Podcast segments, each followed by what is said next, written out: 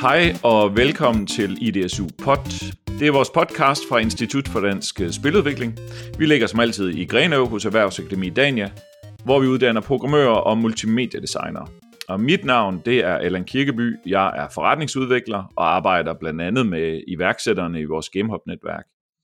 I dag skal vi tale om øh, spillet øh, Forest Quartet, som lige er udkommet. Og min gæst i dag er Mads Vadsholt. Han er hovedmanden bag projektet. Velkommen til, Mads. Jo, tak. Tak, Allan. Ja, øh, og vi mødtes jo første gang for øh, snart øh, lang tid siden, øh, fordi du har været i gang i, i nogle år med projektet. Er det ikke rigtigt? Jo, øh, jeg har været i gang i næsten syv år med at, at lave det her projekt. Jeg tror, vi mødtes tilbage i 2019, øh, slutningen af 19, ja. tror jeg. Ja, og da vi mødtes første gang, der havde du jo der havde du faktisk arbejdet med det et stykke tid allerede. Ja. Ja. Men øh, jeg tænker i dag, så taler vi lidt om, om din proces og din rejse med projektet. Øh, men før vi gør det, så kan det være, at du, øh, du sådan kan fortælle, lave sådan en high-level pitch, eller fortælle, hvad, hvad er Forest Quartet spillet, det som nu er udkommet? Mm-hmm. Hvad er det egentlig for et spil? Ja, jamen øh, det er, Forest Quartet er et, et puzzle adventure, som handler om det her øh, jazzband, der bor i en skov, fordi de ligesom føler sig mere inspireret til at spille. Mm. Og, øhm, og, og, og det, det består af en, en pianist fra USA, en bassist fra Frankrig, en dansk trommeslager og en dansk sangerinde. Og øh, spillet starter efter at sangerinden desværre er død af en, øh, af en sygdom. Så, så, så vi, vi, vi spiller ikke ligesom noget forhistorien, vi kommer ind i det her, det her øh, tidspunkt i, i det her bands liv, hvor at, at de ikke rigtig har lyst til at spille længere, og de ved ikke rigtig, det, om de skal være et band længere, men de har besluttet sig for at lave en, en afskedskoncert for, for, for sangerinden øh, Nina, som hun hedder. Og, øh, og det er altså fint, men de har ligesom mistet gnisten til at spille, og deres sorg er begyndt at overtage dem, så de kan ikke helt fremføre den her koncert. Og det er på en meget sådan, man kan sige, symbolsk eller sentimental vis, at det er en meget vigtig koncert. Så Ninas ånd beslutter sig for at komme ned på jorden og, mm. og hjælpe bandet med ligesom at finde, finde, vejen, finde vejen igen og finde gnisten til at spille. Så, øh, så meget gameplayet handler om, at man skal sådan arbejde med sådan nogle metafysiske maskiner, som man skal genaktivere, som skal stoppe de her negative elementer, så det vil sige, at vi har en deprimeret pianist, så der er en masse svampe og, og underlig sådan øh, forrådelse, der gror omkring hans skov, så man skal ud sådan og, og, og hele det og få det væk og få, få skoven til at gro igen. Og det gør man så på forskellige måder med, at, med nogle puzzle-objekter og noget med at bruge Ninas stemme til at få noget energi ind i de her maskiner og vække dem til live igen. Og det har ligesom sådan en effekt på bandet. Så, øh, så man spiller det i tre akter, hvor det er et akt for hver banemedlem. Og, og jeg vil ikke spolere for meget af det, men det er helt klart et spil, som, man, som er kort, og som man kan gennemføre på en aften, øh, som ikke er sådan for svært at spille. Så man spiller det ikke, fordi man vil spille puzzlespil, men man spiller det, fordi det har en, en ret unik stemning, og det har et, et ret sådan et ret øh, følelsesmæssigt er det, er det et ret stærkt spil, og jeg har der er flere sådan, øh, folk, der har skrevet til mig og sagt, at de har grædt i slutningen, så man skal være beredt på, at det er lidt følelsesmæssigt, øh, specielt hvis man har mistet nogen i sit liv, så er det, så er det et ret følelsesmæssigt spil. Um, så ja, det, ja, det er pitchen.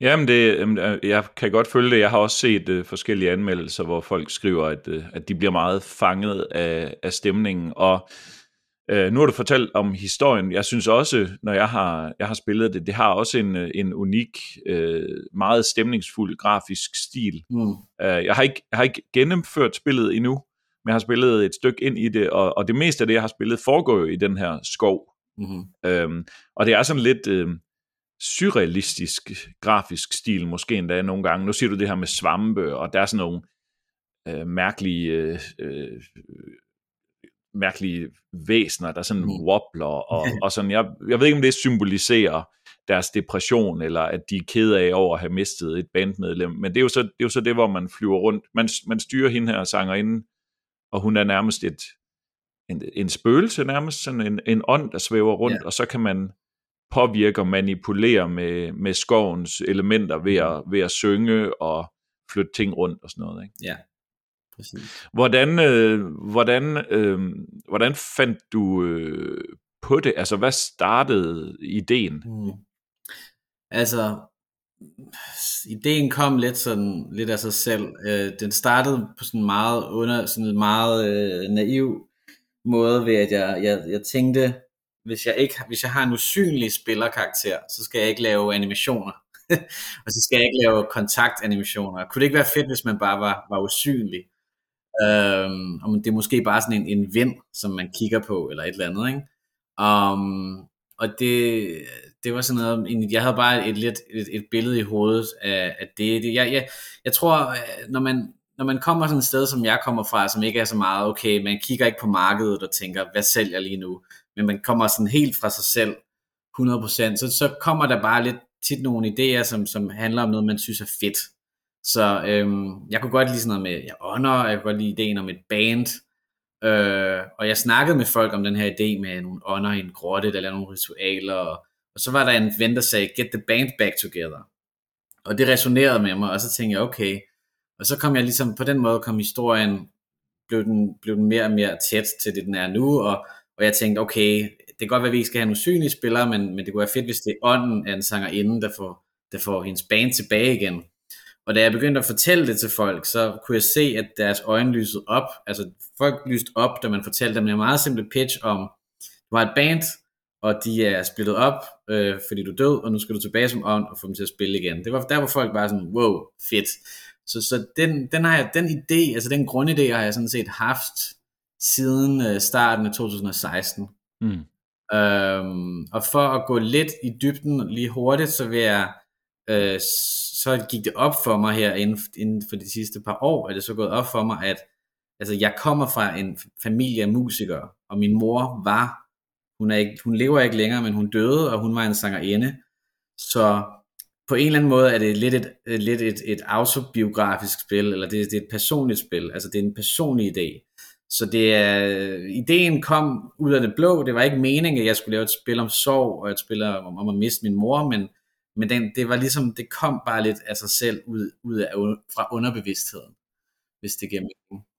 Jamen, det er jo, det er jo, det er jo fedt, og, og så vidt jeg ved, er det også, øh, altså spillet er, er, har den her øh, unikke grafiske stil, men, men musikken er også øh, anderledes end de fleste computerspilsmusik, fordi det er, det er indspillet af, af et jazzband, og, og er det dit familie, families jazzband, eller hvordan er det? Um, så min far, han er professionel jazzbassist, og han spiller i, i radions big band, og han spiller koncerter over hele Danmark, hele året rundt. Han er sådan, han er sådan en, en, en, en ægte jazzmusiker, øh, mm. og jeg bedte ham om at, at, at skrive noget musik til mig til spillet, og øh, det har han så gjort, og det har han ikke rigtig haft problemer med. Det har været ret nemt for ham, fordi jeg, jeg har bedt ham om at skrive klassisk jazz, altså klassisk, øh, de her sådan klassiske standarder, så han, som han så har mm. skrevet på hans egen måde.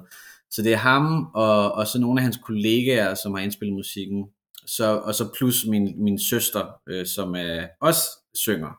Så min søster, hun er både stemmen til Nina i spillet, altså de her, den her syngestemme, Øh, og så er hun også, øh, så har hun også, så der er en sang i spillet med vokal, hvor min søster også øh, synger. Hun er dog ikke voice actor. Voice actoren, Ninas voice actor er en, en, en, en anden person. Men øh, det er en meget sådan, man kan sige, det, det er lidt et familieprojekt, i hvert fald fra lydsiden af. Um, ja. Men det var ikke sådan et fuldt band, hvor at alle i familien bare sidder og spiller hver deres instrument. Der har været øh, nogle indenover, som ikke, øh, ikke var, ja. At det lyder også som om, at det, det er sådan nogle, det er sådan nogle øh, muligheder, eller det er sådan nogle idéer, der er opstået undervejs efterhånden, som projektet har ligesom øh, afsløret sine muligheder for dig, hvor det, det mm. startede med en idé, øh, og så gradvist er tingene kommet undervejs. Så når, ja. nu, nu kender jeg jo også lidt af processen, hvis du startede i 2016, så er det jo langt meget af tiden, hvor, hvor du har siddet med det.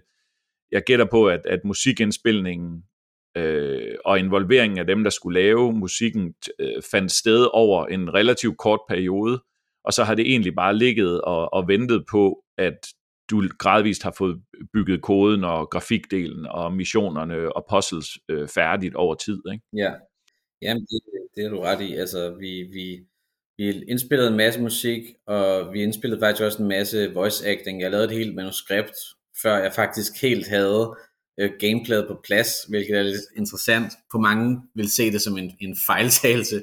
Um, og vi har da også endt med at sortere meget fra, men det har også været fedt at have, have det der lidt øh, i, igennem processen. Men øh, mm.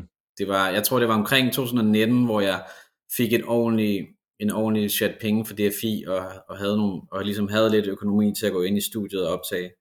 Og, og ja. gik også i studiet igen i 2021, fordi jeg havde et par sange, jeg synes, jeg synes manglede. Altså der var noget, noget, vi ikke fik med første gang, som jeg gerne ville have med igen. Ja, men, men øh, ja, fedt. Men hvis vi prøver at gå tilbage, hvor du startede, jeg er sådan nysgerrig på, øh, øh, hvordan kom du ind i computerspil? Du har siddet i, mm. i Viborg. Er du øh, startet? Har du haft øh, relation til øh, The Animation Workshop? Øh, er du ja. grafiker uddannet, som er jo typisk, at mange af dem, jeg kender fra Viborg, har jo, er jo kommet ind i, i spilbranchen igennem den vej, kan man sige. Ja, altså jeg, jeg startede på The Animation Workshop, Viborg Animationsskole i 2011, og på mit tredje år, øh, bachelorår, der fik jeg muligheden for at arbejde på et spil, så jeg arbejdede på det her iPad-spil, øh, og det var en rigtig, rigtig, rigtig god læringsproces, fordi altså, det er virkelig ikke særlig tit, at man får et helt år med computer og software og et hold, hvor man bare kan lave spil, altså uden at skulle tænke på noget andet. Så øh, det, var, det var min første, min første rigtige møde med, med spiludvikling.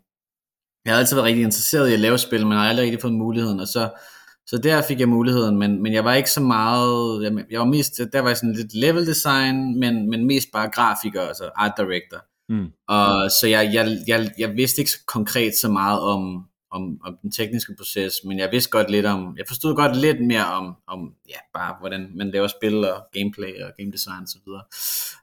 Um, og så kom jeg i praktik i et lille bitte spilvirksomhed, der hed Glitchnap i København, hvor at jeg, der var tre personer, og jeg var den fjerde, og, øh, og der fik jeg også lidt set, hvordan de gjorde, og, og fik faktisk, jeg lavede nogle små prototyper der, og jeg lavede alt muligt forskelligt, og, og jeg fik sådan lidt, man kan sige lidt, lidt selvtillid til, at jeg nok godt egentlig kan lave noget spil selv. Øhm, og de var også fundet af det danske filminstitut, så jeg føler også, at okay, hvis de kan, hvis de kan få de der penge, så kan jeg sikkert også godt. Øh, så, så jeg startede sådan set med en, altså ret mange kompetencer på den grafiske side, også den altså lyddesign siden, det har jeg altid lavet, jeg har altid lavet musik, og altid været interesseret i, i lyd, så, så det var sådan, det har jeg altid haft med mig, så det, de, mine svagheder var, var mest sådan game design og, og rent sådan teknisk, altså spiludvikling.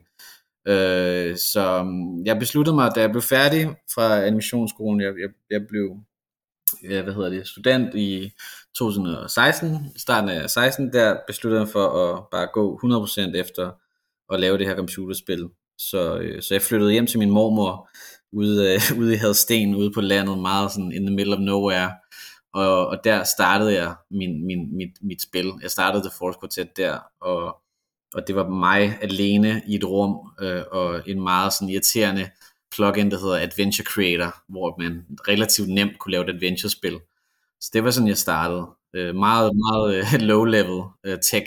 Og nu siger du plug-in, plug-in til, til en game engine, eller? Ja, det var et plug-in til Unity, så uh, ja. det var ligesom sådan et, jeg, jeg, jeg havde ligesom brugt Unity før, og nu, nu med det her Adventure Creator, så havde jeg ligesom allerede en, en character controller, som lidt var allerede, allerede virket, og så kunne jeg bare sætte sådan lidt selv sætte mit eget adventure-spil sammen.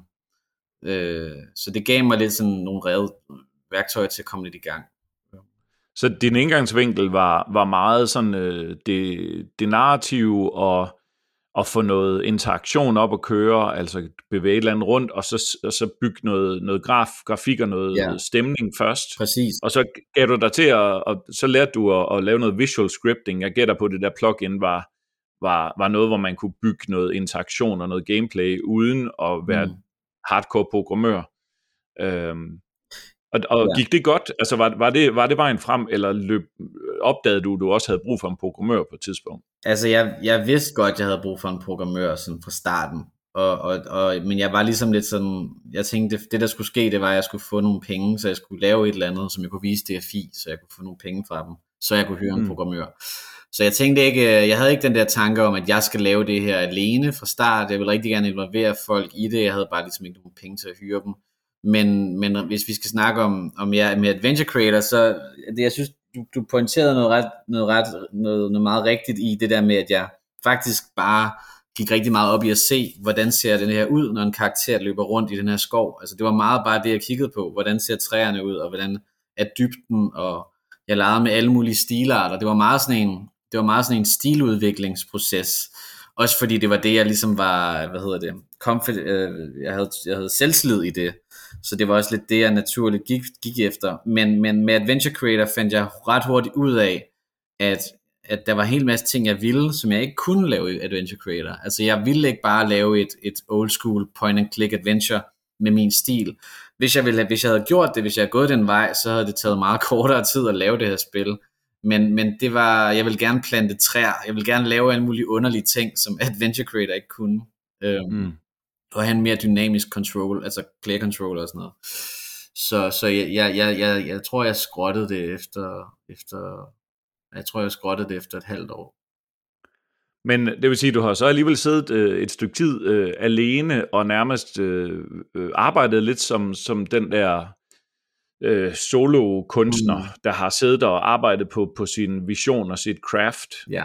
Øhm, ja. Og så på, på, på og, og bootstrappet, hvis man skulle bruge det der mm. fancy udtryk for, hvordan man, man får, får økonomien til at hænge sammen ved at, ja. at bo ved sin mormor og sådan nogle ting. Mm. Ikke? Øhm, så det var meget den der øh, solo-ting i starten. Så øh, da jeg mødte dig, jeg ved ikke, hvor langt vi hopper frem i tiden, hvis det var 2019, vi mødtes, så øh, der, der var du rykket til, ind i et kontor mm. i, øh, i Viborg, og yeah. du havde også på det tidspunkt fundet nogle folk. Hvordan, øh, hvordan kom du frem til, at du var ude at finde folk? Var det, søgte du DFI før det, og så fandt du folk derefter, eller var det omvendt? Øhm, altså, jeg, jeg, jeg havde to år, hvor jeg ikke havde, absolut ingen funding havde fra nogen som helst. Og mellem 16 og 18. Øh, og, og der der, der var det sådan noget, for eksempel jeg, da jeg var på Stugan, som var sådan et uh, residency i Sverige, ja. hvor der var en masse andre spiludviklere, der kunne jeg sådan lige tabe nogen på skulderen, hey, kan du ikke lige prøve at lave det her til mig? Og, og der havde jeg også begyndt at lære Playmaker, så, som er det her sådan et lidt, lidt visual øh, scripting, som uh, man kan lidt mere med en Adventure Creator. Så, men, uh, men ja, i 2018, der fik jeg en lille portion penge fra DFI, og der var jeg i stand til at øh, eller undskyld, i, i, ja, jeg tror det var, sorry, i slutningen af 18, ja, i slutningen af 18 fik jeg nogle penge på DFI, og så øh, kunne jeg, havde, havde jeg en, en programmør, der før havde hjulpet mig, som jeg havde givet en lille smule penge, sådan øh, out of pocket, og, øh, og så fik jeg ham til ligesom at hjælpe mig i, i nogle måneder, plus en animator øh, i Viborg, øh, og på daværende tidspunkt sad jeg faktisk i sådan en GameHop-agtigt studie, der hedder Arsenalet, øh, som jeg ved GameHop Danmark var en del af, er en del af det. Og der sad jeg ligesom sådan, uden at skulle betale øh, kontorleje og arbejdet. Um, og, og der gik så ikke så lang tid fra jeg fik den første chat penge af DFI til jeg fik en endnu større chat. Og da jeg fik den større chat, der var det sådan, så kunne jeg faktisk øh, have, have nogle flere folk, og så skrev jeg bare på et sted, spiludvikling.dk, om der var nogen, der var interesseret, og jeg fik faktisk en hel, hel masse ansøgninger. Og, men der var ikke så mange, der var, der var villige til at flytte til Viborg. Øh, og det er sjovt, altså når man tænker, hvis man tænker tilbage på, hvor lidt penge jeg havde at tilbøje for, øh, eller tilbyde, og, og hvor lidt sikkerhed der var i det her projekt, så er det sådan helt, helt øh, magisk, at der faktisk øh, var nogen, der gad at, at flytte ja. Viborg. Det var der så, det var så Felipe, som, af den her øh, brasilianske fyr. Han flyttede simpelthen til Viborg for at arbejde på mit øh, Chaos-projekt, så det var ret, ret vildt egentlig. Ja, men det er fedt, det, men det, er jo, det, det siger jo også noget om, om den entusiasme, der er i, i spilbranchen. Ja. Og så også noget om, at, at der er jo stadigvæk øh, mennesker, der ikke nødvendigvis bare jagter øh, øh, det højt betalte job, men hvis projektet er spændende og har en skæv vinkel, så, så er det faktisk nogle gange vigtigere. Ikke? Ja. Øhm, så, så det synes jeg er, ret fedt. Øhm, jeg kunne godt tænke mig at spørge lidt om din egen rolle, fordi øhm, du siger, du startede lidt fra grafikervinklen, men det lyder jo som om, at du har været sådan rimelig, måske forkert at kalde hardcore producer, men i hvert fald producer i en eller anden forstand. Du har jo selv rykket på at skrive ansøgningerne. Øh, du har selv opsøgt at skaffe folk du har selv øh, øh, lavet produktionsplaner eller arbejdsplaner. Du har i hvert fald planlagt din, din tid, så du kunne få ø- den økonomi, du havde skaffet til at hænge sammen osv. osv. Så du har jo haft et eller andet producer-mindset og været den, der ligesom har trukket projektet i den retning. Hvordan, øh, hvordan ser du ser du dig stadigvæk som øh, kreativ lead eller producer, eller hvordan? Um, jamen altså, jeg ser mig helt klart meget som en producer nu. Uh, altså, jeg, jeg, kan, jeg ser mig som begge dele, hvis man kan svare det på det sådan, men altså, ja, ja. jeg sidder også lige nu og er i gang med et, et andet projekt, hvor, jeg, hvor min rolle er producer, hvor der er en, en instruktør, som, som ikke er mig, og, og en grafisk, altså som, som både er instruktør og, og, og som illustrator, hvor, at, hvor jeg selvfølgelig har, jeg har masser af kreativt input, og jeg kan også godt sidde i Unity og hjælpe med at få fine ting og, og sådan noget, men jeg er sådan set producer som rollen, producerrollen øh, har jeg trådt i, øh, så øh, men, men ja, altså jeg vil sige, at der tilbage i 19 og 20, øh, og måske også lidt af 21, gik jeg meget og, og, og, og, og, og sådan pinede over, at skulle være producer. jeg gik og var sådan, mm. hold da kæft, hvorfor er det mig, der skal det her? Hvorfor skal jeg øh, kigge på de her tal og de her budgetter? Det er super stressende. Hvorfor skal jeg, øh, hvorfor er det mig, der skal der skal ud og finde kaffe til praktikanten, så praktikanten føler sig velkommen, og hvorfor er det mig, der skal øh, tage de her hårde samtaler med folk, som ikke øh, kommer til tiden og så videre. Altså, så jeg, jeg, var, jeg var meget desperat efter at få en producer, også fordi jeg følte, at spillet havde brug for flere penge, og det havde brug for en, en, ordentlig, en ordentlig publisher eller en investor, så jeg, var også, jeg følte også, at det, jeg ville ønske, der var en, der kunne tage den rolle og gøre de ting. Um, men det skete aldrig. Jeg, jeg var ude og lede, og jeg var ude og spørge, og, og, og jeg fandt en person, som var meget shady, som var sådan, hey, bare på 10.000 kroner til min mobile pay, så finder vi ud af det. Og det, det var som en ægte producer vil sige det.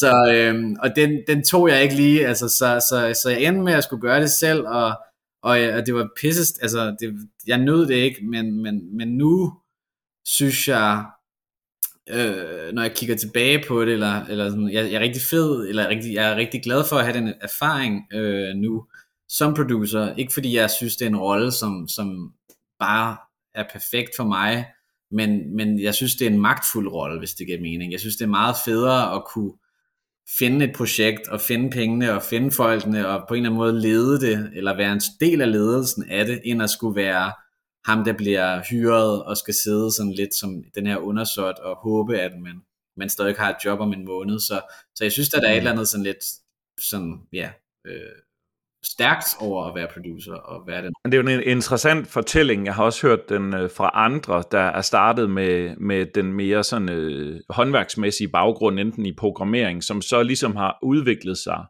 til at blive øh, den person, der er i spidsen for et projekt, og så derfor naturligt tager den der opgave med at sørge for, at vi faktisk finder de penge, der skal til, eller finder de mennesker, der skal til, eller som du siger, tager de der samtaler med folk, som jo øh, i de store studier måske ikke nødvendigvis er, er en producers opgave, men i sådan et indie-studie, der er man ligesom den, der tager alt det der ledelsesmæssige også som producer. Ikke? Øhm, det lyder som om, at det er noget, øh, du ligesom har lært øh, af, af nød, eller jeg ved ikke, om det er det rigtige udtryk, men, men øh, tror du, det lyder også som om, at du har lært det, fordi at du, du var drevet af, at du havde dit projekt, og det ville du lave. Og når der nu ikke var andre, der tog lige præcis de her opgaver, så må du jo gøre det, selvom det egentlig var træls til at starte med. Ja, det er simpelt, simpelt svar er ja. ja, men, nå, men, øh, det er jo, men det er jo interessant på den måde, at, øh, at det er jo ikke en... Øh, det er i hvert fald ikke tit i spilbranchen, at vi ser, at det er den rolle, folk først kaster sig ind i. Øhm, det er meget, hvis de ender i den rolle, så er det fordi, de, de faktisk er, er den kreative, har den kreative vision, eller dem, der ligesom er driver på projektet øh, der så ender med at faktisk at få de kompetencer, fordi de er nødt til at løse de opgaver. Det vil sige, at man lærer kompetencerne via ved at være nødt til at tage øh, arbejdet, kan man sige. Ikke? Yeah. Øhm, du fortalte, øh, eller da vi mødtes, øh, der tror jeg, du havde været igennem en runde, hvor du var tæt på at have øh, været igennem et, en projektfase, der var finansieret af nogle støttepenge, og så kom der et hul, hvor du måske forsøgte at søge flere penge. Øhm, er det rigtigt forstået, at, at øh, det har været, der har været så måske ikke sådan noget start-stop, men det har været sådan, øh, i perioder har der, er der sket meget på projektet, og så har der været perioder, hvor du har nød, været nødt til at holde ligesom øh, ild i flammen, men hvor der måske ikke har været penge til at have et fuldt team øh, fra 19 og så frem til, til den sidste del af projektet. Øh, hvordan, øh, hvordan vil du, for, hvad kan du fortælle om den periode, hvor det sådan har været lidt mm. op og ned? Ja, altså, det var helt klart, man kan sige, hvis vi skal kigge på kurverne af det, så, så, så var, var 2019 et, et år, hvor der bare var totalt øh, gang i den. Der var masser af mennesker og penge, og ting rykkede hurtigt, og til gengæld var min røv, der var også ild i min røv hele tiden, fordi jeg skulle, mm. jeg skulle være i så mange roller. Øh, altså, jeg var, jeg var rimelig, rimelig stresset, for at sige det mildt der. Um, og, og i 20 var det lidt sådan en depressions, depressionsåret, eller sådan, eller ikke, måske ikke depressionsåret, men bare sådan et, sådan et okay, du skal virkelig, nu, nu svømmer vi virkelig mod strømmen år. Fordi at, at der havde jeg ikke flere penge, øh, jeg havde tværtimod noget gæld, og, øh, og DFI øh, havde, havde sagt nej til at, give mig, til at give mig produktionspenge, som jeg faktisk havde rimelig meget forventet, at jeg ville få. Øhm, og jeg havde ikke nogen publisher, det vil sige, jeg havde ikke nogen sådan øh, og jeg var, ja, jeg var totalt alene i det, og, og jeg havde de her folk, som havde hjulpet mig på projektet før, øh, var lidt bare sådan, efter jeg ligesom ikke kunne betale dem længere, var de ikke sådan, kom de ikke til mig og sagde, okay, giv os nogle procenter, så giver vi den en skalle, eller sådan, de, de var mest bare sådan, nå, men okay, så kan vi ikke arbejde på det, og, og det er jo heller ikke, altså, det er jo også fair nok, det er der ikke så meget at sige til, men, men jeg var helt klart øh, øh, overledt til mig selv der, Øh, og så, mm. så, øh, så arbejdede jeg for nogle andre virksomheder, og, og, og arbejdede så til gengæld videre på The Force Quartet, sådan, øh, i min fritid, og, og om aftenerne, og efter arbejde, og så videre, og så videre. Og øh, det, var sim- det var super hårdt, fordi det var et tidspunkt, hvor jeg, jeg havde lidt af, man kan sige, jeg havde lidt troet, at det jeg havde var godt, og at jeg bare skulle sende en demo ud til nok publisher, og så ville det nok være en, der hang på men øh, det gik sådan lige så stille op for mig, øh, at det jeg, ikke, det jeg havde var ikke så godt igen. Øh, det var, en, det var lidt, det, altså der er, så mange, der er så mange bidder i den her historie, men, men så mange detaljer, men der var en fyr, som helt uopfordret skrev en e-mail til mig, han hedder Thomas, jeg kan ikke lige huske, hvad han hedder til efternavn, men han er sådan en lidt sådan en industri, øh, øh hvad kalder man det, veteran, lidt ligesom dig, eller, det, vi kender sikkert hinanden, jeg kan prøve at finde hans navn senere, og han mm. skrev sådan, hey, jeg er interesseret i at se dit projekt, kan jeg ikke komme på besøg, jeg vil gerne snakke. og jeg var bare sådan, okay, fint nok. Og, og han kom, og, og, han, og jeg viste ham det, jeg lavede. Og han sagde sådan, der sagde han bare til mig sådan, okay, jamen, al æstetik, alting, alt det der er i top, gameplayet er i bund. Altså, du, du skal... Og så, så, så, så pillede han lidt det, jeg havde fra hinanden, og så gik det lidt op for mig, hvad jeg, hvad jeg skulle gøre for at lave en bedre demo, altså lave, lave noget bedre spilkoncept, som folk måske havde lyst til at købe. Så, øh, så, så det var, det var, det var, det var ikke, selvfølgelig ikke kun ham, jeg vil ikke kun give ham, jeg kan sige, æren for, at jeg kom videre, men, men der var helt klart et eller andet lidt sjovt med, at han lige kom på besøg, og, og lige kunne få mig til lige og sådan, okay, så, så, så kører vi videre-agtigt. Men det er måske et meget godt råd at, at give med til, til folk, der eventuelt lytter med og, og, og sidder i, måske lidt i samme situation. Det er det der med, at øh, øh, selvom det ser sort ud, øh, så kan det stadig godt betale sig at dyrke noget netværk, fordi mm. lige pludselig sidder man med nogen, der enten tænder gnisten igen, eller lige knækker den nød, man har slåsset med at, at få løst, eller det er jo ja. som lidt det eksempel, du kommer med her. Og, og apropos det der med, hvor svært det er, har der tidspunkter, hvor at det næsten bare har stået stille, hvor du sådan havde overvejet, nå, måske skal jeg bare parkere det på hylden? Øhm, jeg, jeg tror lidt i starten, jeg tror i, i, i, i midten af 17 eller sådan noget, starten af 17, tror jeg, jeg var så, jeg var så fattig, og jeg havde så, altså jeg var sådan, jeg var så træt af ikke at have fået noget støtte til mit spil, at jeg var lidt sådan, okay, hvis der ikke, hvis der ikke kommer noget til sommer, eller øh, du nok, her, så stopper jeg.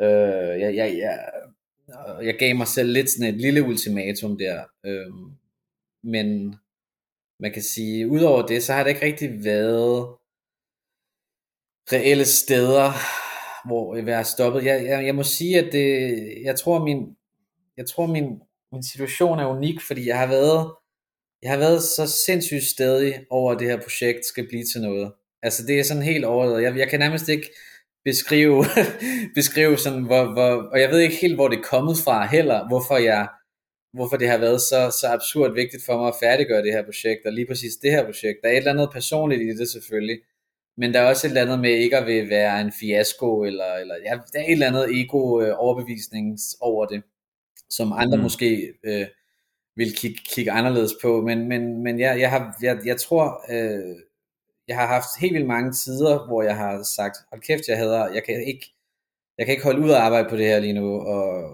jeg er så træt af det, og jeg vil ønske, der var noget andet, jeg kunne arbejde med, eller jeg har, du nok, der har været så mange gange, hvor jeg ikke har kunne holde ferie, fordi at jeg skulle arbejde på det her, eller ikke holde fri, og hele tiden følte jeg, at jeg havde sådan et pres på at skulle arbejde på det her projekt, og så, men, men, men jeg har aldrig haft sådan, jeg har virkelig været meget, meget få gange, hvor jeg sådan har rent faktisk overvejet, okay, nu stopper jeg, hvis det giver mening. Altså, ja. øh, jeg tror, der er mange, jeg tror, der er mange i, iværksættere, uanset om det er spilbranche eller ej, men altså nu mm. er det mm. nok primært spilbranchefolk, der lytter med, ikke? Der, der kan ikke genkende til den der følelse. Øhm, jeg tror, hvis man, jeg tror endda, der vil være nogen, der måske øh, er ansat og sidder på nogle projekter, hvor at, at det er bare et vildt fedt projekt, men den der følelse af, at, at man har en stolthed over sit arbejde, sin kreation, og, og det er satme også ærgerligt, hvis den bare dør på øh, døden på en eller anden øh, harddisk øh, kirkegård et eller andet sted, uden at, uden at komme ud til publikum, kan man sige. Yeah. Øhm, så jeg synes, det, det er flot, øh, flot, at du har holdt fast, og der er jo ingen tvivl om, at det, det er det, du har holdt fast. Men det er måske også interessant at tænke over, at det, hvornår var det, du sagde, det startede 2016, mm-hmm. eller noget i den stil, ikke? Det er jo øh, interessant, at et spil på den måde, når det er, når fokus er øh, historien og, og puzzles og en unik artstyle, at det ikke bliver forældet på den måde. Mm. Det er ikke sådan, at bare fordi man ikke øh, er færdig med spillet efter to år, at så kan man aldrig gøre noget ved det igen. Man kan sådan set godt holde øh, videreudvikle på det. Det er, jo, det er jo bevis på, at det har du gjort her. Øhm, øh, og, og når jeg så spørger om det, så, så er jeg jo også nysgerrig på, jamen, øh, lavede du ting om, eller den artstyle, du havde fra starten, var, er det det samme art, der er i i dag, eller har du været nødt til at nulstille produktionen undervejs? Mm. Um, altså, jeg har lavet artstyle mange gange, men det har mest været sådan af personlig, altså min egen, hvad kan jeg sige, min egen vilje. Ikke så meget, at jeg følte, det her er en outdated art style. Lad os sige, du har lavet en, en øh, sådan voxel art, øh, uh, Crossy Roads art style, som, ja okay, den, den er så outdated nu, hvis man kan sige det sådan, eller mm. en super low poly øh, art style, men, men nej, det var, jeg tror mest bare, at jeg følte, jeg var meget sådan kritisk, altså du nok, men, men jeg, har, jeg har siddet og arbejdet på en artstyle i, og har brugt, brugt den i, en, i et år eller et halvt år, og så har jeg lavet noget andet i en måned, og ikke arbejdet specielt, og så er jeg kommet tilbage og tænkt, ah, men nu hvis jeg lige ændrer på det her, det her, det her, og så uha, så, så på den måde har det ligesom udviklet sig sådan ret organisk, hvis man kan sige det sådan, ikke? Mm. Det har også været bare lidt, at man lærer nogle tricks, og man lærer at forstå ting anderledes, så kan man lige pludselig noget, noget mere og noget andet, og, og så videre. Øhm, det kan jeg også gå meget i detaljen med, fordi spillet har også lidt været afhængig af, af formater. Der var et tidspunkt, hvor det, jeg troede, det skulle være et iPad-spil, og så var det jo nogle helt andre sådan, kan sige, begrænsninger, jeg havde.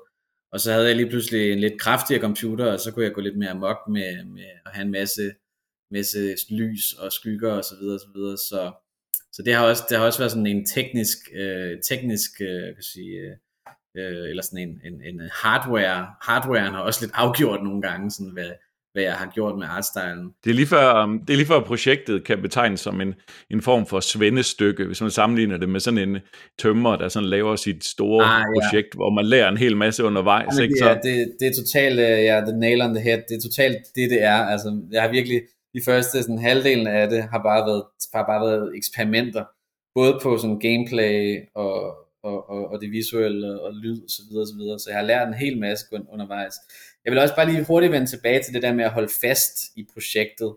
For jeg tror også, det der har gjort, at jeg har kunne holde fast i det, er, at jeg synes, det var en fed idé. Altså det var ideen, jeg blev ikke træt af ideen. Jeg er stadig ikke træt af at høre den her idé og fortælling. Altså jeg tror, hvis, hvis min idé havde været, jeg vil gerne lave et fedt øh, survival horror zombie spil, og det var sådan lidt det, der var i det, der var ikke rigtig andet end det, så, så tror jeg, det ville have været nemmere at skvætte, skvæt fra det, fordi at så, så ville jeg ikke have så meget et forhold til det. Det ville ikke være så meget en, hvis det giver mening, en IP, altså, som, som det jeg sad med. Så jeg tror, jeg tror også, det var det, der gjorde, at jeg ligesom ikke, ikke helt gav op, fordi jeg følte, at selvom spillet i sig selv ikke er så fedt, så er der en IP her, som er fed. Altså en IP her, som man ikke bare kan glemme, som, som har noget potentiale, som, som, som skal udforskes. Sorry, det var bare det er jo en, jamen jeg, jeg er enig, og, men det er også interessant den måde, du fortæller om det, fordi jeg synes, det er meget sigende for, hvordan vi måske øh, stadigvæk betragter spil, øh, også os to, når vi taler om det. Det er nemlig, at vi taler om spillet, når du siger, ja, måske er selve spillet ikke så sjovt, der, og når du siger det på den måde, så er det fordi, du henviser til mekanismerne og systemerne. Mm. Øhm, det er ligesom om, at vi stadigvæk op i vores hoveder adskiller tema og historie og characters fra spillet, men man kan jo sige, at den samlede oplevelse for dem, der spiller dit spil, er jo, at man sidder og, og lytter til musikken og nyder den grafiske stemning, mens man løser et, et puzzle. Mm. Øhm, så, så, så ja, jeg, jeg, jeg, forstår, hvad du, jeg forstår godt, hvad du siger, og jeg tror også, det er rigtigt, at hvis du nu havde hægtet din oprindelige idé op på nogle, øh, nogle mekanismer eller nogle systemer, så var det måske sværere at sige, at det var unikt mm. nok til at, at bide sig fast i det og holde fast, mens den historie, den historie, det narrativ, de characters, du har, der er ingen tvivl om, de er unikke. Jeg har i hvert fald ikke set andre spil, men lige præcis den historie. Og det er også det, der får øjne, folk til at spære øjnene op. Så, så, øhm, så ja, jeg tror, jeg tror, det er rigtigt, at du, du har noget. Og så har det så oven i købet haft en øh, personlig, altså det, det har personligt anker i, i, i dit liv, mm. kan man sige. Ikke? Ja. Så øhm, det er nok rigtigt set. Øhm, jeg vil gerne prøve at springe frem til øh, dit, øh, da du startede samarbejdet med Bedtime, fordi øh, spillet er jo udgivet nu, ikke så lang tid siden, vi skal nok tale om øh, udgivelsesperioden øh, lige om lidt. Men, øh, men da du førte frem til, at nu, nu kom det sidste ryg, der fik du en aftale med Bedtime, øh, som jo er en spiludviklervirksomhed, øh, der ligger i Aalborg. Øh, og de, de har udgivet deres egne spil, et spil, der hedder Figment blandt andet, og nogle andre. Øh, og, og så kom, fik I en aftale. De er jo ikke en traditionelt øh, en publisher, men øh, på en eller anden måde, så kom I i kontakt med hinanden. Kan du fortælle lidt om det? Ja, øhm, så det var også lidt sådan et, et, et heldigt, eller man kan sige, et, et, et, et øh, ja, en meget, meget fin, øh, fin måde, det opstod på. Øhm, så jeg, jeg kendte sådan set godt Claus og Jonas, som er dem, der har startet øh, Bedtime, som er sådan lederne af det. Og Jonas, øh, Claus mødte jeg lige der var jeg ved at blive færdig på, på Tav øh, i 2016, hvor jeg, hvor jeg gav ham en rundvisning på skolen, sjovt nok, og faktisk lidt viste ham mit portfolio, hvis jeg nu en gang skulle arbejde for dem og sådan noget. Så, så, så jeg, kendte, jeg kendte ham og mødte ham der. Øh, og Jonas mødte jeg på sådan et accelerator øh, program øh, i Viborg, der hedder Nippon Nordic, som nu hedder Ninoko, hvor at en masse japanere og danskere mødtes, som var sådan kreative inden for film og spil og sådan noget, og så skulle de sidde og, skulle vi sidde og lære lidt om, om hvordan man sælger sit produkt og sådan, og sådan noget der. Så der, der lærte jeg Jonas at kende, så, så jeg, jeg vidste sådan set godt, hvem de var og så videre, og så, øh, og så, så, så, så, så havde jeg, på min Twitter havde jeg tit sådan, lagde jeg tit en gif op fra mit spil, og jeg kunne se, at Claus, han fulgte mig på Twitter, og han likede tit mine ting og repostede dem. Så jeg havde en følelse af, at okay, men Claus synes, det jeg laver er fedt. Og, øh, og jeg havde i forvejen haft nogle ret sådan, man kan sige, nogle ret close calls med større publishers, som sådan noget Humble, Humble Publishing, havde jeg for eksempel haft ret meget snak med, og de havde næsten lagt en, en aftale på bordet, og så trukket ud alligevel, så, så jeg havde lidt en følelse af, at, at jeg havde et eller andet at byde på. Altså der var der er også nogle af de der giffer på Twitter, som har fået en masse likes og retweets, og jeg er blevet kontakt, kontaktet før af andre publishers, så, så der var helt klart en følelse af, at, at, at jeg ikke bare er, lad os sige, totalt fresh out of the boat, og, og skyder bare mit projekt til alle. Så jeg skrev bare en meget simpel e-mail til Claus, øhm, og ja, sorry, jeg havde, også, jeg havde også lige glemt at sige, at, at jeg blev, det spil, jeg lavede på mit, uh, mit bachelorår, var Claus også interesseret i at, at genudgive altså tage nogle penge for at genudgive i Kina. Så jeg havde, jeg havde faktisk været op og se Bedtime-kontoret tilbage i 2017, tror jeg det var. Anyway, det var lige en side note. Men jeg skrev, jeg skrev bare til Claus øh, en mail og sagde, øh, har I nogensinde tænkt på at udgive andre spil end jeres eget spil? og så sagde han ja, tror jeg. Jeg tror bare, han skrev ja. og så, øh, og så, så, var jeg sådan, nå, jamen okay, men kunne I være interesseret i The Force Quartet? Og så sagde han, øh, The synes jeg er virkelig, virkelig fint spil, og han, blev, han, var virkelig sådan, han var virkelig begejstret over, at jeg faktisk spurgte ham. Og øhm, så sendte jeg ham en demo, og så hørte jeg ikke rigtig så meget tilbage fra ham. Jeg sagde bare, jeg sendte ham bare den her demo og sagde, at jeg leder efter, jeg tror jeg sagde, jeg leder efter 300.000 dollars til at, at færdiggøre det. Altså så kunne resten være fundet af DFI, og, og man kunne hjælpe mig med at finde de penge på en eller anden måde. Øhm, og, og, og jeg, jeg hørte ikke rigtig øh, fra ham inden, øh, inden før, efter jeg sendte den der første demo. Øh, så, lavede, så gik der noget tid, og så lavede jeg en ny post på Twitter, og lidt solgte spillet, sådan lidt, øh, send, lavede sådan en, en, en, en koncertscene og skrev, tre akter, tre bandmedlemmer, du skal få dem til at spille en koncert, eller et eller andet, og så skrev Claus igen til mig, sådan, var lidt sådan begejstret over, at vi skal gøre det her, og jeg skal nok hjælpe dig med at finde de der penge. Og så, øh, og så sagde jeg, cool, jeg er lige ved at være færdig med en ny demo, altså noget endnu bedre. Og så, øh, og det sender jeg om lidt, og det var så her i, i sommeren, tror jeg, 2020 eller sådan noget, og, og der, så jeg sender om demoen, og lige i det øjeblik var jeg også ved at, at søge en, en ny runde produktionsstøtte. Øh, nu havde jeg, jeg havde fået afslag fra det tidligere, så jeg skulle ligesom til at prøve at søge igen. Så der var et, et ret specielt held i, at øh, DFI, som før, som, som var lidt skeptisk over at give mig penge, fordi at de har givet mig penge, og jeg ligesom, man kan sige, jeg har ligesom været meget alene i den her proces, så det var lidt sådan, de havde lidt svært ved at stole på mig.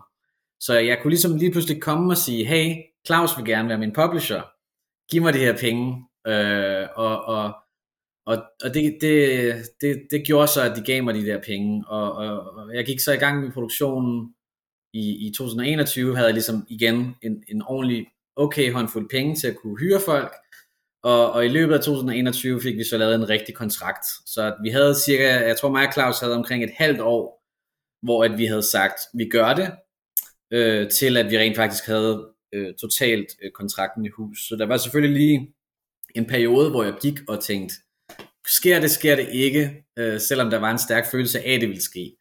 Um, og, og siden da var det, var det, har, det, har det været rigtig positivt. Øh, hele, vores, øh, hele vores samarbejde har været rigtig fint. Altså det er en mega fed historie, og jeg, jeg hører jo, jeg hører jo, øh, jeg læser jo alle mulige øh, ting ind i det, du siger. Du er meget ydmyg omkring det, men øh, det er jo mega godt gået. Der er ingen tvivl om, at der er dit, lad os bare bruge udtrykket, producer-gen. Mm. Altså der er en eller anden slags, du, du bliver ved med at banke på døren. Selv, selvom det det er dansk, dansker, du kender, så er det jo stadigvæk en, en forretningsrelation, hvor at du skal overbevise, eller nogen vil bruge udtrykket hosle. Altså, ja, ja. Så laver du lige sådan en lille fræk opslag på Twitter, hvor der kommer lidt ekstra og sådan noget. Jeg, jeg tror måske, hvis der sidder nogen derude og lytter, øh, det, det er ligegyldigt, om du, du pitcher til et event med en publisher i Tyskland, et eller andet sted stort, eller om det er nogen, du kender. Man skal hele tiden sørge for at fortælle den bedste historie, man kan om, hvorfor det her produkt er fedt, eller finde en ny vinkel, ligesom man, Altså det kan godt være, at DFI giver et afslag her eller der, men som regel har de jo et, set i hvert fald fra deres synspunkt, et fornuftigt argument, og hvis man så kan finde et modargument, øh, og det kan godt være, at det ikke har set sådan ud, lige da du stod i det, øh, og det, det har du nok ikke følt. Det er også derfor, du siger, at det føltes lidt som om, det var held. Men jeg ser det jo også som, du har jo også opsøgt heldet, hvis man kan mm. sige det på den måde. Ikke? Altså du har jo du har set en mulighed, og så har du tænkt, den, det synes jeg er en god idé, den går jeg efter. Ikke? Øhm, og det, det, det er jo en form for drive, som, som også kendetegner den måde, man tænker på som producer, at man prøver at opsøge mulighederne, og så gå efter dem. Ikke? Ja. Så ja. det synes jeg er ret, øh, ret godt gået. Tak. øhm, så har du så, øh, så er du så, så er I så knoklet sammen, og øh, er det så, det det så til en form for crunch hen imod launch, eller kan du lige fortælle, hvornår, øh, hvad var datoen for det launchet? Det er kort tid siden. Ja, det er jo, øh, det var den 8. december, så det er lidt, lidt under to uger siden. Um, ja, ja. Og, og tillykke, tillykke, med, tillykke med launch og udgivelse. Oh, Øhm, men har det så været, har der så blevet skruet op for produktionshastigheden øh, i, i de månederne frem mod det? Øhm, jeg vil sige nej. jeg vil sige, at, at det faktisk øh, har været, vi har haft nogle, man kan sige sprints, altså vi har haft nogle sprint i forskellige perioder i løbet af det her år, øhm, mm. men det har ikke været den der, sådan, hvor man arbejder øh, indtil næste morgen flere dage træk op til, og sådan, oh my god, altså det har været meget sådan, spillet var sådan set færdigt i sommer, og mm. så har vi haft en lang proces med at skulle, øh, fordi spillet er, det kommer ud på Steam, men det er også kommet ud på Playstation, så vi har haft en ret, ret lang proces med det her certification for Playstation, så det vil sige, at vi har lavet noget, og så har vi sendt det, og så har vi skulle vente nogle dage på, at de siger, hey, der er nogle bugs, og så har vi skulle bestille et nyt testslot. Så det vil sige, at, at vi har ligesom haft ret meget buffer, hvis det, hvis det giver mening, hvor at, at spillet sådan set har været ret meget færdigt, hvor det så bare har været ret meget tid alligevel til at justere og polere og teste osv. Så, så øh, rigtig meget af de sidste, lad os sige, fire, fire måneder har faktisk ikke været så meget at sidde og lægge de sidste, lad os sige, animationer ind, eller, eller teste gameplay mechanics. Det har været mest bare sådan noget med at, at, at sørge for, at spillet oversætter på forskellige sprog, og sørge for, at det gemmer, og, og, og ja, finde bugs, og, og finde, øh, lave sådan nogle forskellige ting, altså mix lyd og sådan noget. Så mm. det har faktisk været rimelig afslappet. Øh, jeg havde helt klart en, en, en forventning om, at Bedtime ville gøre mere omkring udgivelsen sådan længere op til. Så jeg tænkte måske flere måneder før, ville de begynde at virkelig sige, hey, det her kommer ud om lidt. Men der er også bare, altså nu, nu kender jeg, jeg er også begyndt at lære, og jeg har også begyndt virkelig at se nu, hvor dens altså hvor dens det er, hvor mange spil der kommer ud hele tiden. Så det, det, faktisk, det giver faktisk ikke mening det der med sådan at, at lægge traileren ud tre måneder før, og så sidder folk og venter i tre måneder, for der kommer noget ud hele tiden. Så anyway, det jeg prøver at sige, det var, at, at, at jeg troede, vi ville arbejde rigtig meget på lanceringen i, i perioden op til, men, men her nu, altså lige op til, op til udgivelsen, lad os sige start af december, og så, og så, de, og så en uge frem, har, har de faktisk arbejdet helt vildt meget og, og gjort rigtig mange ting for at, at, at få det hypet og få, få, få snakket om det og, og, og, og så videre og så videre. Så, øh, så ja, det, det, der har ikke været så meget crunch. Der har mest bare været sådan nogle dage, hvor at fuck, vi skal sende det her sted til Playstation i morgen, og jeg har siddet i Italien og et eller andet, og så har jeg skulle sidde og op til sent og kigge på pdf'er og forstå og lave noget UI om. Altså, så det, der har været masser af sådan nogle der crunch-oplevelser, men de har ikke været sådan længere, længere perioder. Ja. Men det er jo, det er jo interessant, at, at øh, altså, så gætter jeg på, at, øh, at da I startede samarbejdet, så er, der, så er der kommet et udviklingsryg for egentlig at lave grundelementerne i spillet færdige måske i 2021, mm-hmm. øhm, og, og, og det har så nok heller ikke været crunch, ellers ville du nok have nævnt det, men det har været, det har været der, hvor, hvor det primære udviklingsafslutning skete og så i stedet for bare, at nu er det færdigt, og så udgive det, så er det faktisk øh, været en form for øh, en øvelse i at være tolmodig mm-hmm. og, og finde det rigtige udgivelsesvindue, og samtidig se muligheden med, at det, det er rigtig smart, hvis vi udgiver det, og vi får det på Playstation, at vi så gør det samtidig med PC-versionen. Mm-hmm. Fordi som du siger, øh, hvis man skal trænge igennem støjen af, af det saturerede marked med alle de spil, der bliver udgivet, så er man nødt til at lave sådan et, et stort spike mm. af information om spillet. Ikke? Yeah. Øh, det, lyder lidt som om, at det er den, det er den øh, plan, der så er, har været øh, eksekveret på nu her. Ikke? Yeah. Øhm, men så har I launchet. Det er fedt, og, og I lavede nogle små events ud af det. Altså nu, øh, jeg ved, Bedtime øh, har jo også, går jo også meget op i musikken i deres spil, mm. og, og, og dit spil har jo også en interessant øh, lydside og musikside, øh, som er, er fylder rigtig meget i den stemning, spillet har. Øhm, så da I launchede, så, så havde I en lille koncert blandt andet. Jamen det er, det er så rigtigt og forkert, fordi vi, vi, vi havde en koncert i sommer, og det var jo ikke en launch-koncert. Det var lidt, det var lidt fortalt som en launch-koncert, fordi at vi, vi ligesom tænkte, okay, vi vil rigtig gerne lave en skovkoncert. Altså det handler om en band, der en skov. Og vi havde så fundet det her, det her øh, tårn ude i, øh, jeg tror det hedder, den Gisselfelt på, på Sydsjælland. Og, og det har vi så fået lov at lave en koncert i, så vi tænkte, okay, jamen, spillet kommer nok ud lige om lidt. så nu laver vi den her koncert for ligesom at, at fejre, at det er blevet færdigt, og prøver at få, få, få, noget, få skramlet nogle, øh, noget spilindustrien, den danske spilindustri sammen, og ligesom mødes om det her projekt. Og øhm, det var også en, en rigtig fin succes, altså det var en enorm smuk oplevelse, og, og den her koncert var virkelig fin, og vejret var perfekt, og det der tårn er helt overdrevet, og sådan over 100 meter højt, så der var sådan en masse magisk ved det, men jeg tror, jeg tror det tog en del længere tid at, at få den der PlayStation certification igennem, end vi havde troet, øh, som i, altså det tog et par måneder mere, så øh, det var, man kunne, man kunne godt lidt have kaldt det en pre-release koncert,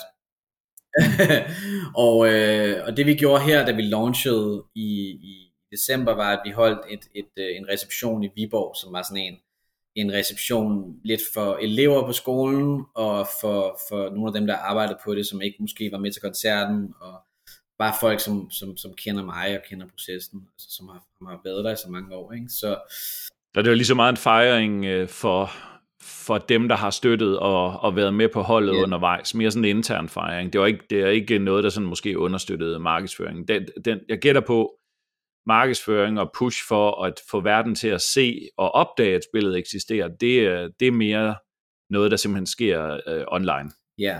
Øh, via øh, sociale medier og forskellige andre ting. Ja. Yeah. Øhm, det er interessant med PlayStation, ikke fordi vi skal bruge sindssygt lang tid på det, men jeg gætter på, at, at I, har, I har indsendt, og så er den blevet afvist. Det, den er blevet afvist på, er det sådan øh, noget af det der klassiske, jeg kender til fra PlayStation Submission, sådan noget med, hvor det hvor man tror, at, at det må være spillet, der har fejl, men så er det fordi, man har glemt at sætte det rigtige PlayStation-knap-ikon et eller andet sted. Mm. Er, det, er det sådan nogle lidt dumme ting, den er faldet på, eller øh, ved du noget om det? Altså, jeg ved ikke, hvor, hvor dumme tingene har været. Altså, der, har været, der, var, der var noget med, at, at vi bruger et joystick til at vise, sådan, nu skal du gå til venstre. Så vi havde sådan et PlayStation joystick, og så var der et mm. highlightet, en knap for eksempel på det joystick. Og det kunne de ikke lide, fordi først og fremmest var det stiliseret, så det var ikke deres oprindelige design. Og, og så var der det der med at highlight en knap, og det kunne de heller ikke lide. Så det var, sådan en, det var virkelig sådan en, hvis I vil bruge knapper, så skal, I, så skal I kun vise knapper. Og hvis I vil bruge joystick, så skal I ikke vise vores design. Og, og sådan, og så, så, så, så det, var, det var nok den største fra min side øh, sådan modgang i processen. Øh, og så, så det jeg gjorde, det var bare, at jeg sagde, okay, men så droppede jeg bare 100% at bruge et joystick, fordi at jeg var bange for, hvad nu hvis joysticket er blåt, eller lavet rødligt, og de så siger, at de, de kan ikke lide rød. I, altså jeg kunne mærke det der med, at det er deres produkt, som vi står og fremstiller her. Så vi skal lade være at fremstille deres produkt i det her spil, fordi at det er de meget sårbare overfor. Så, så jeg, jeg gik bare og lavede mine egne knap designs og lagde ind og sådan noget. Øhm, så det, det var for mig en, en, en, en, en ting, som lidt var okay shit. Øh, og så fra Jon, som, som er Bedtimes øh, lead-programmør, han, han havde en masse ting med bugs, og så havde vi sådan noget med trophies, vi ikke helt har forstået, det skulle der også være. Og så, du nok, så skulle vi lave nogle trophies, men så var der også noget knas med dem. Så der har været en, jeg tror det har været en ret god mængde af, af bugs, som de har fundet, som var gode, som var, var gode bugs, at de fandt, fordi det har rent, rent faktisk gjort spillet bedre også til Steam. Og så har der været ting, som har mest bare været, okay, vi kom lige til at, at, at glemme trophy. Altså, der, der har været, begge dele har været. ja. Men altså, man kan jo sige, det er jo ikke, det er jo ikke dumt i den forstand. Altså, spillet er jo, altså Playstation-versionen, altså oplevelsen for dem, der spiller det, er jo blevet bedre af, at de har haft den her øh, relativt hardcore QA-proces, hvor at de øh, rimelig hårdt afviser, hvis det ikke ja. øh, opfylder de krav, man har. Og det, sådan, sådan er det næsten altid at komme ind på PlayStation, og øh, jeg ved ikke, om øh, Microsoft er mere afslappet omkring det. Men, øh, men fedt med, med den lille anekdote der. Er, har du sådan andre, sådan over, vi har jo talt meget om processen, jeg ved ikke, om der er noget, der, hvor du tænker, nu hvor du kigger på der, hvor du står i dag, øh, hvis, hvis der er nogen andre, der kaster sig i den retning, hvad, hvad er det vigtigste, du har lært af det, hvis du skulle komme med sådan en slags? Ja, evaluering? Altså, vi har jo talt om meget ja. om af det, Jamen, det altså, du siger, at du har lært at altså, være producer og sådan noget. Ja, ja, jeg vil sige, at hvis der er en ting, vi ikke har snakket så meget om, så, så er det sådan, øh, det er også en ting, jeg, jeg har lavet sådan et, uh, jeg har sådan et slideshow, som jeg har fået lavet, så hvis jeg, hvis jeg skal ud og snakke om spillet, så har jeg et slideshow, og det har jeg også brugt lidt nogle gange. Øh, og, og en af de ting, jeg påpeger meget, er, når vi kigger tilbage på mit projekt, og kigger tilbage på alle de her hundredvis af prototyper, eller ikke hundredvis, men alle de her mange prototyper, jeg har lavet, og, og visual designs osv., så, videre, så er der rigtig meget af det, som, som jeg har gjort, altså rigtig mange idéer, som ikke har handlet om The Force Quartet, altså idéer, som ikke har, har passet, som, som har været robotter og synthesizer-lyde og og du ved nok, ting som, som jeg har lavet, fordi det synes jeg var fedt, eller fordi det havde jeg lige, det var lige let for mig at lave.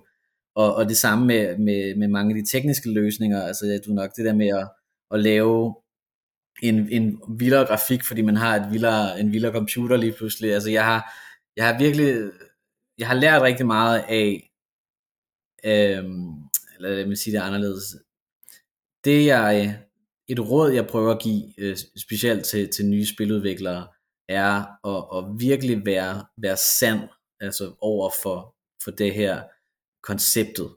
Lige meget hvad det er. Mm. Altså virkelig være, være, være, følge, det blind, altså følge det blindt som en soldat.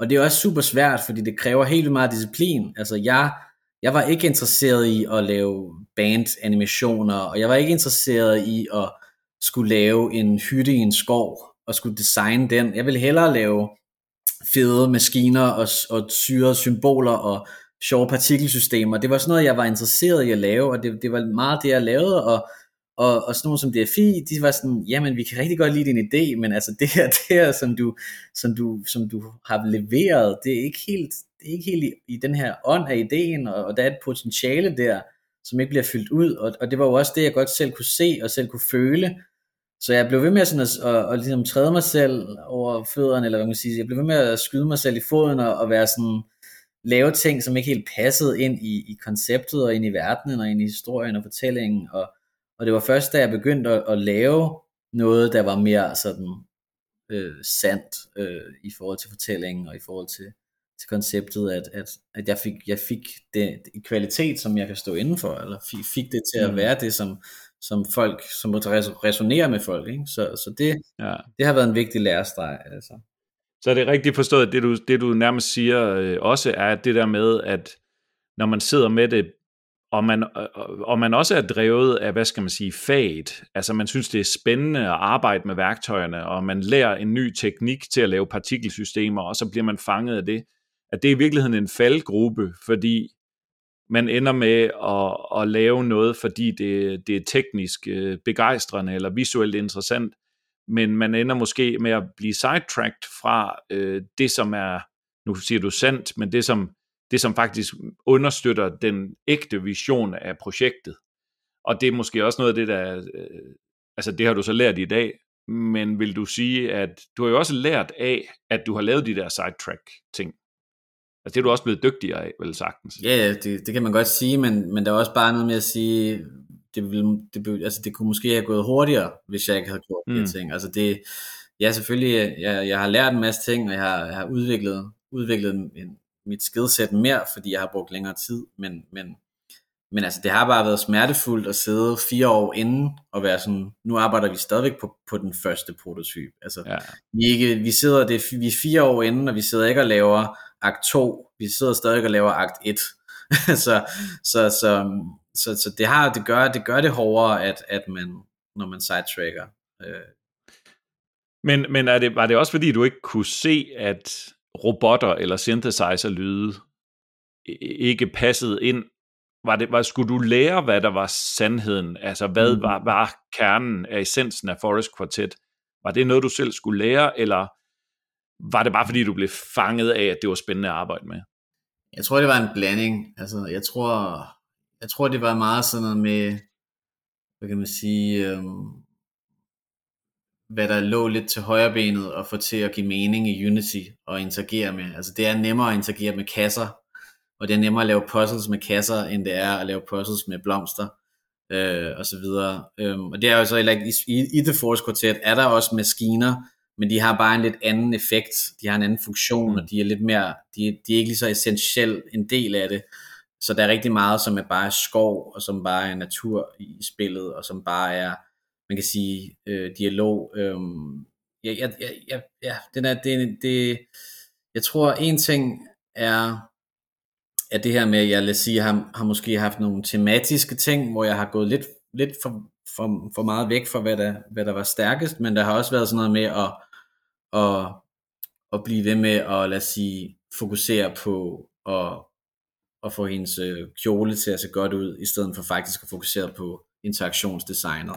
Ja. Så der har også været sådan nogle dele af, af, hvor man er lidt for meget i sin comfort zone, ikke? hvor man tænker, okay, hvis vi, nu, hvis vi nu går efter det her, jeg ved, jeg kan gøre fedt, så kan det være det andet, selvom det ikke er lige så fedt, er okay. altså det, det der med at, at gå ind og, og virkelig kigge det i øjnene, man er bange for at lave ja. og lære. Ikke? Øhm. Man skal finde ud af, hvornår, hvornår, er det, hvornår er det her godt nok i forhold til det stadie, vi er på nu. Ja. Og i stedet for, at man bliver ved med at pusse og finpusse og finpusse på en eller anden ting, og så mangler man nogle andre helt essentielle ting. Ja. Nå, men, men fedt, og øh, øh, hvad, hvad så nu? Nu har du lært en masse, du har noget erfaring. Du nævnte, at du også er lidt involveret i et andet projekt, hvor du sådan lidt har en producerrolle. Hvad, hvad, hvad byder fremtiden? Øh, skal du stadigvæk arbejde i spilbranchen? ja, det, det, det vil jeg stadig gerne. Um, jeg arbejder på det her projekt, der hedder Pure, som, hvor man spiller sådan en uh, tardigrade, uh, som også hedder Bjørnedyr, som er sådan en mikrokosmos-univers, og det er instrueret af en, en pige, der hedder Sara Avnbjerg, som jeg, som jeg har gået i skole med. Og øhm, hvad man sige, det er sådan lidt, øh, det, er, det er ligesom et lidt spædt projekt, men altså hun har arbejdet på det lang tid, og, og vi har fået en lille runde penge for DFI, og var faktisk lige her i går til vores sådan, aflevering, og snakkede det med Simon Løvin, og fik lidt en, en idé på, hvordan fremtiden af det her projekt ser ud. Så det, det er et projekt, som, som ikke er, det er ikke meningen, at det skal optage al min tid, ligesom The Forest Quartet. Det er ikke meningen, at jeg skal ud og være en fattig kunstner de næste fire år igen på grund af det her projekt. Det er, der har jeg sådan, der tager jeg, jeg tager en stor del i det, men jeg er sådan lidt mere sådan, okay, det er lidt mindre øh, alt over, over skyggende, hvis det giver mening. Og så er der også noget, mm. noget i, at, at jeg arbejder med hende, og der er andre mennesker involveret i projektet, så det, så det er også lidt mere socialt, hvilket også var noget, som, som jeg savnede, har savnet rigtig meget nogle gange på, på The Force Quartet, der har jeg følt, jeg har været meget alene med det, og, og det kan være hyggeligt at være alene i en periode, men det, kan ikke, det er ikke hyggeligt i, i meget længere perioder, det er det ikke. Okay. øhm, og så øh, sidder jeg faktisk lige nu og arbejder lidt for en virksomhed, der hedder Geometric, som er styret af Jeppe Carlsen, som er øh, ham, der har været lead designer på Insider Limbo. Og, øh, og det kan jeg ikke sige så meget om, hvad jeg laver lige der, men altså det, det, er noget, det er noget visuelt, og det er et meget, meget fedt, fed virksomhed, hvor jeg kan få lov at komme lidt mere som freelancer, så jeg ikke skal sådan give alting op. Men, øh, men der, har jeg siddet, der sidder jeg lidt og hjælper dem, og kommer nok til at sidde lidt de næste, næste stykke tid her i starten af året.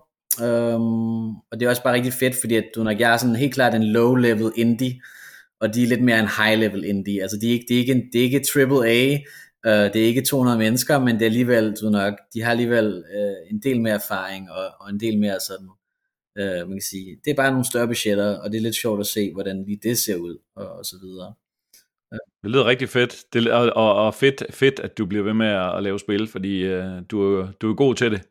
Uh, det kan godt være, at du ikke har følt, at du var god til det undervejs, fordi du føler, at du har hostlet, men, men du har, du har løst sindssygt mange ting ved at bare prøve dig frem. Uh, så rigtig fedt, og uh, jeg glæder mig til at se resultatet af nogle af de uh, projekter, du kaster dig ud i uh, fremadrettet. Tak. Um, jeg tænker, vi skal til at runde af. Um, og normalt så plejer jeg jo at, at sige, hvis man har et eller andet, man gerne vil fortælle om, øh, et eller andet, man gerne vil plukke som, som gæst, så kan man gøre det, men, øh, men det er lige før, du har gjort det. Jeg tænker, at vi kan smide nogle links ja. øh, ind på vores hjemmeside, når vi udgiver det her. Øh, det bliver nok en gang øh, i starten af januar, med, øh, med links til, til Steam-siden for Forest Quartet. Ja. Øh, måske nogle af de andre projekter, du har nævnt, eller, eller links til deres virksomheder. Øh, mm-hmm. Og hvis, hvis du har noget andet, så, så må du også gerne uh, smide det på banen. Jeg ved ikke, om du har et musikprojekt eller et eller andet. Nej, jeg er lidt andet at reklamere for. Ja, men det kan, det kan jeg lige tænke over. Um, ja, men så smider vi det, så smider vi det ind på, på links på vores uh, hjemmeside. Ja. Um, det var fedt at have dig med i dag. Jeg synes, du har været meget øh, åbenhjertig omkring uh, rejsen. Det, det sætter meget pris på, og det håber jeg, at lytterne også kan lide. Jeg synes, det har været en, en, øh, en fed fortælling om, øh, om rejsen med projektet. Um, og så kan jeg jo anbefale alle, der har lyttet med, at, uh, at gå ind at finde spillet, og hvis man har en Playstation, kan man jo finde det der, og ellers på Steam. Mm-hmm. Øh, det, er et rigtig, det er en rigtig god oplevelse, så øh, anbefaling herfra. Tak, Allan. Det var sødt af Ja, det er godt. Og, øh, og tak til jer, der lyttede med, og vi lyttes øh, ved næste gang. Hej hej.